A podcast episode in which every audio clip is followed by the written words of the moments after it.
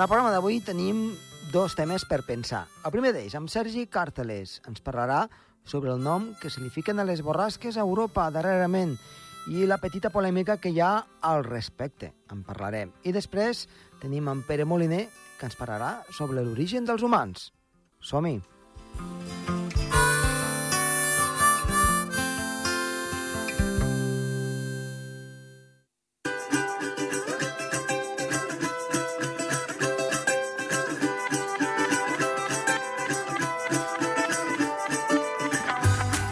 Iniciem el programa i comencem eh, parlant amb Sergi Càrceles. Sergi, molt bona tarda.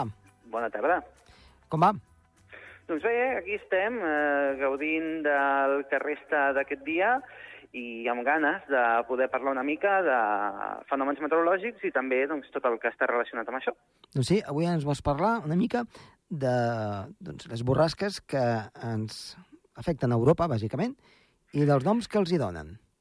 Doncs sí. I la problemàtica al voltant. Sí, últimament s'està uh, posant de moda, no?, el posar-li noms quasi a la majoria de borrasques que es consideren mitjanament fortes o que produeixen, doncs, um, situacions meteorològiques de risc, i és uh, realment una dinàmica que pot ser certament perillosa uh, a l'hora d'alertar la societat. Anem a parlar una mica d'on ve tot això. Tot uh -huh. això ve marcat o està inspirat amb la dinàmica també de posar-li noms als huracans, com eh, hem parlat en alguna sí, d'aquestes sessions, doncs eh, als huracans se'ls hi posa noms eh, alternats, masculí i femení, des de la A fins a la Z, i últimament, com estan havent més huracans que l'alfabet, uh -huh. doncs últimament, els últims anys, també s'ha començat a utilitzar l'abecedari grec, alfa, beta, etc. Um, Sí que és veritat, almenys a efecte personal, sí que és veritat que eh, el fet de posar-li noms a huracans, a part de tenir un efecte mediàtic, que fa que doncs, el posar-li nom a un fenomen meteorològic li genera com més importància o més perillositat, amb els huracans pot tenir el seu cert efecte beneficiós. Per què? Perquè els huracans, al posar-los noms, no només es poden diferenciar, sinó també doncs, eh, pot alertar a la gent eh, sobretot a tota aquesta gent que sortirà afectada pels huracans, a tenir precaució i a preveure eh, doncs, totes les coses que han de fer abans que arribi aquest huracà. El que passa és que últimament s'està posant també, i s'ha acordat, evidentment, amb els organismes internacionals uh -huh. europeus, Clar. de posar-li noms també a algunes borrasques. Què passa? Que sí que és veritat que hi ha algunes borrasques que són bastant perilloses o també donen alguns, eh, algunes problemàtiques eh, tant mediambientals com també per la societat, com inundacions, ventades, onades molt grans, etc. Però, clar, al posar-li la mateixa importància o la mateixa... Sí, diríem la mateixa importància mediàtica que els huracans, al final ens acostumarem. Ens acostumarem a posar-li noms a tots aquests fenòmens i a l'acostumar-nos també els hi traurem importància als fets. Clar, eh, com ara la majoria d'aquestes borrasques tenen algun nom, ja comencem a treure l'importància, sobretot a alguns meteoròlegs també, quan eh, veuen els mapes sinòptics i veuen que ja una borrasca li posen un nom, abans sí que tenia un cert eh, rebombori, no? Mm. No només mediàtic, sinó també eh, doncs d'importància de, de dir, on ja haurem d'anar en compte perquè aquesta borrasca doncs, li, li han posat un nom i segurament serà per alguna cosa important clar, quan si li anem posant els noms a la majoria de borrasques, això fa doncs, que li perdem importància i potser també menys, eh, li prestem menys atenció, cosa que també és certament important. No sé què t'assembla tu el fet de que li posin ara tan sovint també noms a les borrasques, en aquest cas. Doncs bé, és una pregunta difícil, però jo estic una mica amb la línia que és, del que estàs dient tu, que pot tenir un efecte boomerang, un efecte contrari, no? De, no, no des de part del món científic, que eh, totes les borrasques tenen un nom, pot ser un nom científic, pot ser un nom amb lletres i números, que doncs, passaria desapercebut, com hi ha milions d'estels de, no? a l'univers, que Correcte. molts no tenen nom, simplement són, són lletres i números que corresponen doncs, a certs paràmetres. I aquí, en aquest cas, doncs, el que tu dius, eh, no des del punt de vista científic, ni tampoc de, en aquest cas, de, doncs, dels organismes que, que han d'activar, sinó de, de que hi, ha, hi hagi doncs, a nivell eh, de la població mm, un menys teniment cap a aquest tipus de, de pertorbacions. Que potser ens passa una amb algun nom i, i no pot veure res més que algun plogim, i una altra vegada passarà una uh, amb més força i pensarem que, que fiquen un nom per ficar i veritablement hi haurà un perill. És com allò que ve el llop, no? Correcte. I pot crear la consciència de la gent, tot i els avisos, però pot crear una consciència de que, doncs, que no passa res. I aquest pot ser el perill. Tot i eh, que des del punt de vista, doncs, en el cas de la prevenció, doncs estigui ben fet, eh? Però una cosa és la prevenció i l'altra que la gent et faci cas, no? Al final. Al final jo crec que l'important és intentar no abusar no? d'aquest factor que realment quan se li posi un nom a una borrasca, eh, aquesta clar... borrasca afecti realment a la població. Saps quin és el problema? Que com últimament aquest acord s'ha fet a nivell europeu. Uh -huh. Llavors, clar, se li posa una borrasca també a una borrasca que afecti molt intensament, per exemple, el Regne Unit o Alemanya. Però és normal. Però clar, aquestes borrasques, aquestes clar. borrasques passen desapercebudes, per exemple, aquí a Andorra. Clar. Llavors, clar, al donar-li que... una importància a nivell europeu no vol dir que després afecti a tota Europa. Uh -huh. I llavors se li treu se li treu com reconeixement, no?, sí. aquestes borrasques. Sí, sí, perquè, cas. clar, després eh, la, la típica pertorbació que es forma al Mediterrani, un cop passen aquestes eh, i que dona inundacions, no se li dona cap nom. Correcte, I, correcte, i... perquè passa en un lloc molt més local. Exacte, i poden caure 300-400 litres d'inundacions amb víctimes mortals, i jo no he vist que se li donés cap nom. En canvi, doncs, clar, una perturbació normal i corrent que ve d'Islàndia, amb vents molt forts, de 150, 200 per hora, que és una cosa no habitual, però que és comuna que pugui succeir a Irlanda, a Escòcia, doncs, a tot el que és el Regne Unit, i després cap a França i Bèlgica, doncs, eh, que també se li doni nom a, a latituds doncs, més baixes, doncs, és el que tu dius, eh? potser és un error. O si més no s'hauria de mirar d'una altra manera. Doncs sí, potser el fet de uh, posar-li noms a les borrasques únicament en els organismes europeus que afecti aquella borrasca. Mm -hmm. És a dir, si una borrasca és molt intensa al Regne Unit i a Alemanya, se li pot posar un nom allà, però aquí a Espanya potser no posar-li aquest nom. Mm -hmm en aquest cas. O sí, treure sí. la importància, però clar, també estem amb la dinàmica de si som tots europeus, hauríem de treballar tots conjuntament i hauríem de treballar tots de forma unida. Llavors, clar, aquí ja hi ha el rifi-rafe no? de què fem i què no fem. Exacte.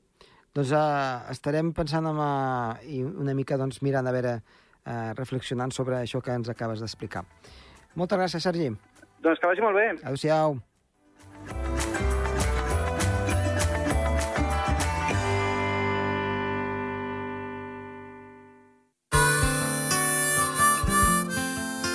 El Torb, amb Josep Tomàs.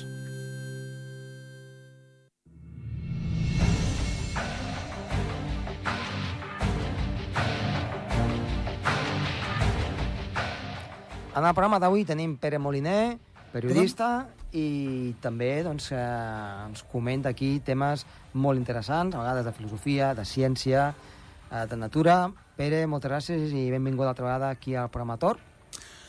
Moltes gràcies, sempre és un plaer. I deixa'm fer-te una petita puntualització. Eh, en realitat sempre és de ciència del que acabeu parlant. Què passa? Que en realitat la filosofia què és? Amants del saber. I què és la ciència? La recerca del saber. Ah, ja està.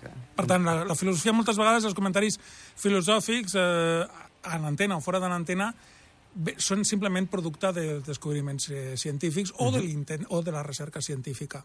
De fet, perquè, perquè és el mateix. De fet, si anem a mirar l'astrofísica, eh, si anem una mica més enllà, que és filosofia de l'univers, pràcticament, no? Una mica... Les conclusions moltes vegades de molts astrofísics eh, no només són eh, filosofia, sinó que moltes vegades arriben a, al nivell de la mística més delirant. Bé. I estic parlant de científics amb premis Nobel i... Bé, eh, ara potser eh, fem un canvi de 180 graus, pràcticament.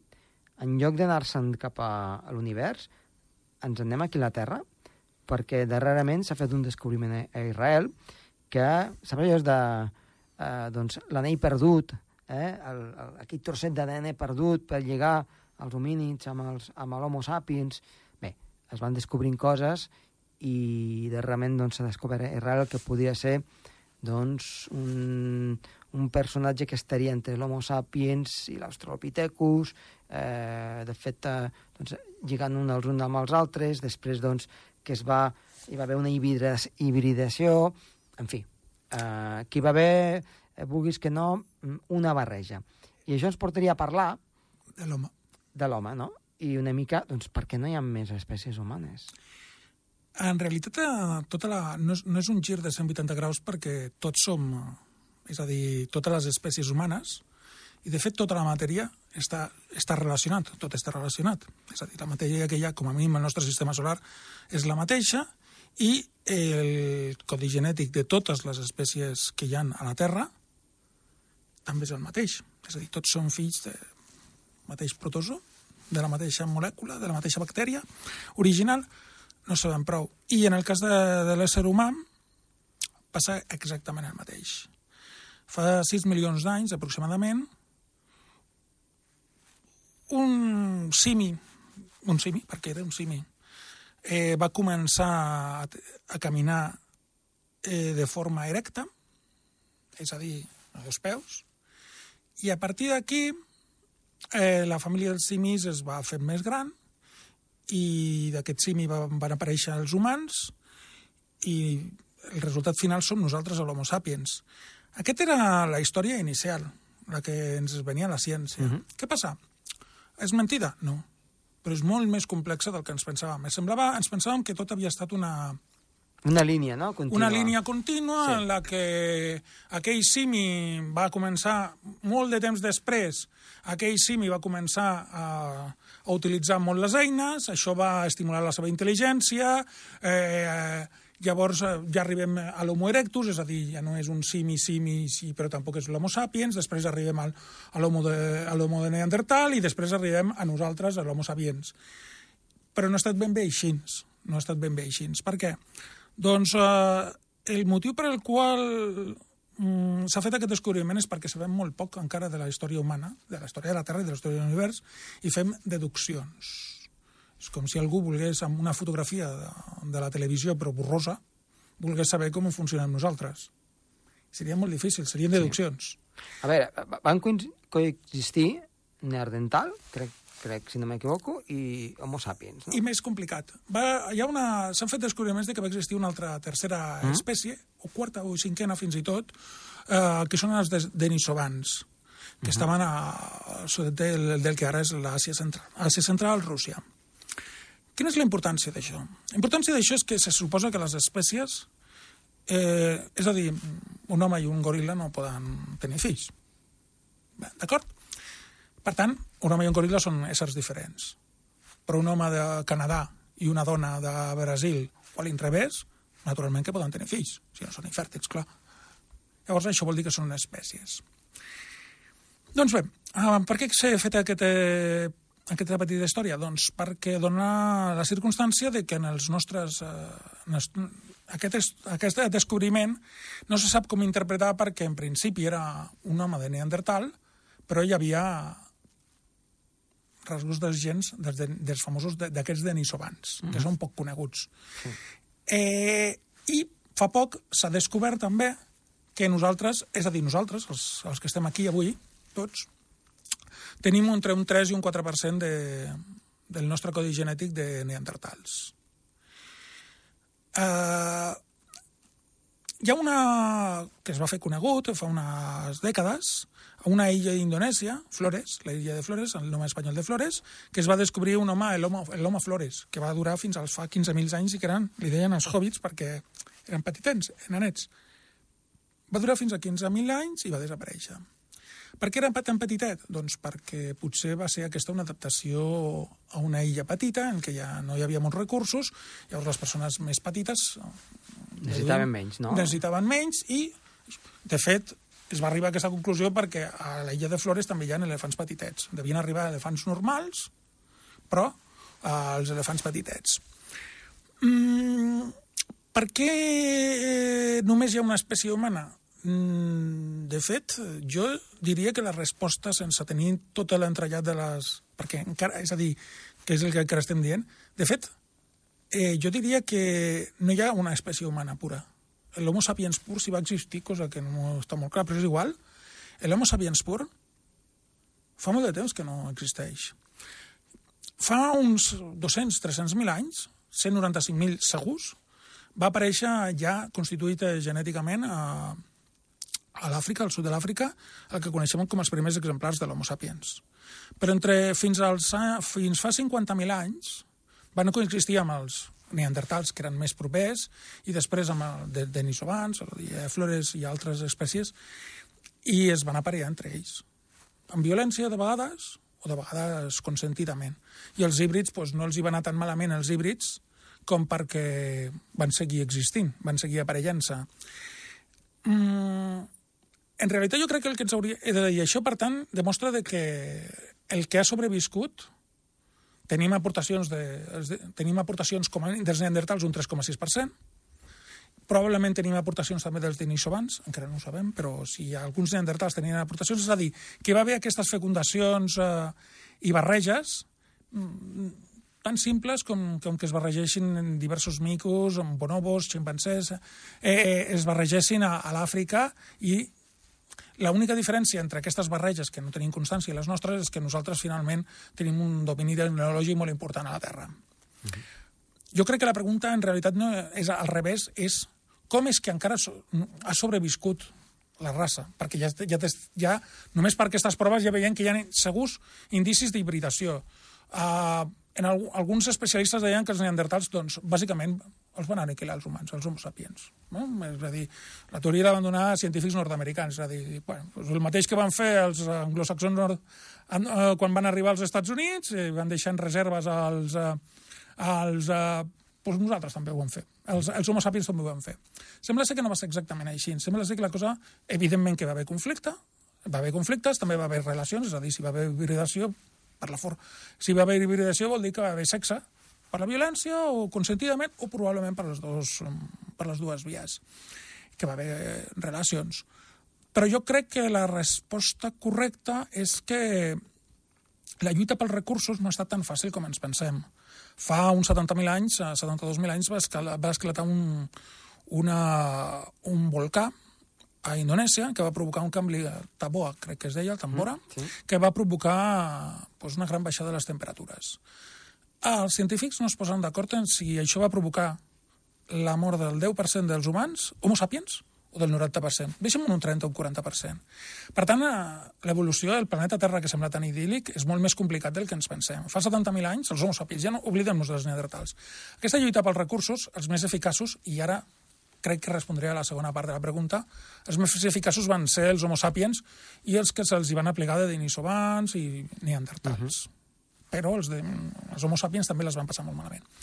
Què va passar fa 70.000 anys, llavors, que va permetre perquè recordem, entre 200 o 300.000 anys que van haver els homo sapiens, els 70.000 anys, no va haver gaires canvis. Eh, el, es deia que era el llenguatge, que nosaltres tenim, els, els neandertals es veu que també tenien un protollenguatge. La utilització de les eines també les tenien. Tècnica, potser creences religioses i tal. Bueno, L'única cosa que va aparèixer va ser una cosa que es diu complexitat. Uh, hi ha diverses teories, però jo me quedaria amb dues, que són les mateixes. El llenguatge es va fer més complicat, amb, potser perquè necessitaven més cooperació per èpoques més dures. Llavors, els grups humans, jo li dic que els van descobrir que la millor manera de, de sobreviure va ser inventant la mentida. És a dir, eh, creant relats, creant relats de per què existia el món i de qui som nosaltres, i, que, i clar, el cervell humà ens permet saber d'on venim i cap a on anem i imaginar-se possibles futurs. És a dir, no ens morirem, no, anirem a un cel en què tots seran... Eh, els lleons seran pacífics amb nosaltres i menjarem tot. Eh, podríem dir que aquest podria ser el principi de les religions, el principi de les nacions i de les tribus, d'una manera més consolidada que amb altres grups humans. El Valhalla, no? Eh, Valhalla, els, el Valhalla, altres, altres, uh -huh. altres cels la tribu, és a dir, la bandera, la tribu... Això va consolidar molt més les famílies. Per què? Perquè tenien... Mm, no funcionava sempre, com és evident, el fet de que hi hagi hagut tantes religions que actualment hi hagi 200 estats i molt, molts més aspirants a estats, és a dir, que hi hagi moltes tribus i tals, vol dir que no funcionava del tot. Però els hi donava molta més cohesió, molta més cooperació. Que sí, la van utilitzar sobretot per barallar-se amb altres humans, també. Però els donava cohesió als grups i els grups cada vegada es van fer més grans i més complexos. I els altres grups que no podien que lluitaven en la mateixa lliga per entendre'ns, no podien ser... no podien, no podien abastir aquesta complexitat. Això permetia que les tribus eh, passessin de 100-150 persones a centenars. Clar, llavors això necessita unes lògiques d'alimentació. En sis o set llocs del món es va aparèixer l'agricultura. La, Després apareixen la violència política a gran escala entre humans. Després els imperis, els invents també. Clar, quan hi ha molta més gent, hi ha més capacitat de tenir idees. I més problemes, també. Les malalties, les epidèmies. Llavors, els grups menys complicats van ser els que van tenir menys possibilitats. I els, eh, per això, la gran veritat és que, des del meu punt de vista, és que l'humà, els homes, inventant-se els relats, la mentida a la recerca de la realitat, és a dir, inventant-se les explicacions, els relats, van poder fer que aquests relats fossin una mica més veritat. I, de fet, crec que avui en dia seguim igual. No, sé, no hem canviat massa. Seguim amb els relats, seguim amb les banderes, seguim amb les religions, seguim amb les dones que ens donen, que, aquestes coses que ens donen la cohesió. I les altres tribus menys humanes, grups humans menys complicats, sí, van aportar, doncs, amb sexe, amb, amb idees i tals, però es van dissoldre en el grup principal, el que havia sobreviscut més. Per tant, diguem-ne que podíem, nosaltres seríem una hibridació de tots aquests grups que van, van anar apareixent i que al final hi ha hagut una, diguem-ne, predominància de l'homo sapiens, però també molts... hem agafat una miqueta de, dels altres, diguem-ne. Sí, havia una... es va fer un estudi en el, fa temps en què es deia que algunes de les malalties que teníem eren cometes culpa uh. -huh. dels nostres gent neandertals i tals. Podria ser. Però podria ser també que al revés, que ens hagin aportat més coses. Eh, Tornem-hi al que deia jo abans, els relats. Que alguna vegada alguna tribu d'homo sapiens eh, matés indiscriminadament als seus veïns neandertals? És probable, és mm -hmm. segur que va passar. I se'ls mengessin. Així de clar, estem parlant? Sí, és bastant probable. Però no, era la, no crec que fos la tònica. La tònica va ser la lluita pels recursos i el fet de tenir idees més clares del que vols i el que no vols és el que els hi va permetre la supervivència el fet de saber que tenien un motiu, déu, on anar-hi, una tribu, unes idees de tribu, uns avantpassats comuns, el fet de saber que moririen, també, uh -huh. es permetia...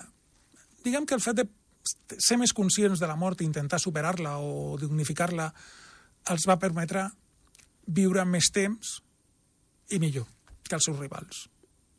I, i, així, i, així, i així estem, per cert. I aquí hem arribat. I uh, l'evolució, això serà per un altre programa, eh, que crec que també seria molt interessant i que en parlarem doncs, en properes edicions del programa. Pere, moltíssimes gràcies per estar aquí amb nosaltres avui.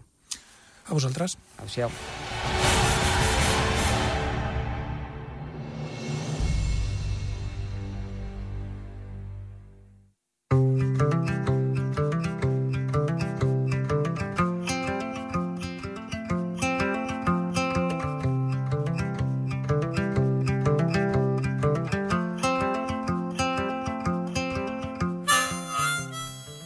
Fins aquí el programa d'avui. Esperem que hagi estat del seu agrat. Ha estat de les vies de so, Toni Escur, i que els ha parlat amb molt de gust. Josep Tomàs Bosch. Tornem la setmana vinent. Adéu-siau. Adéu-siau.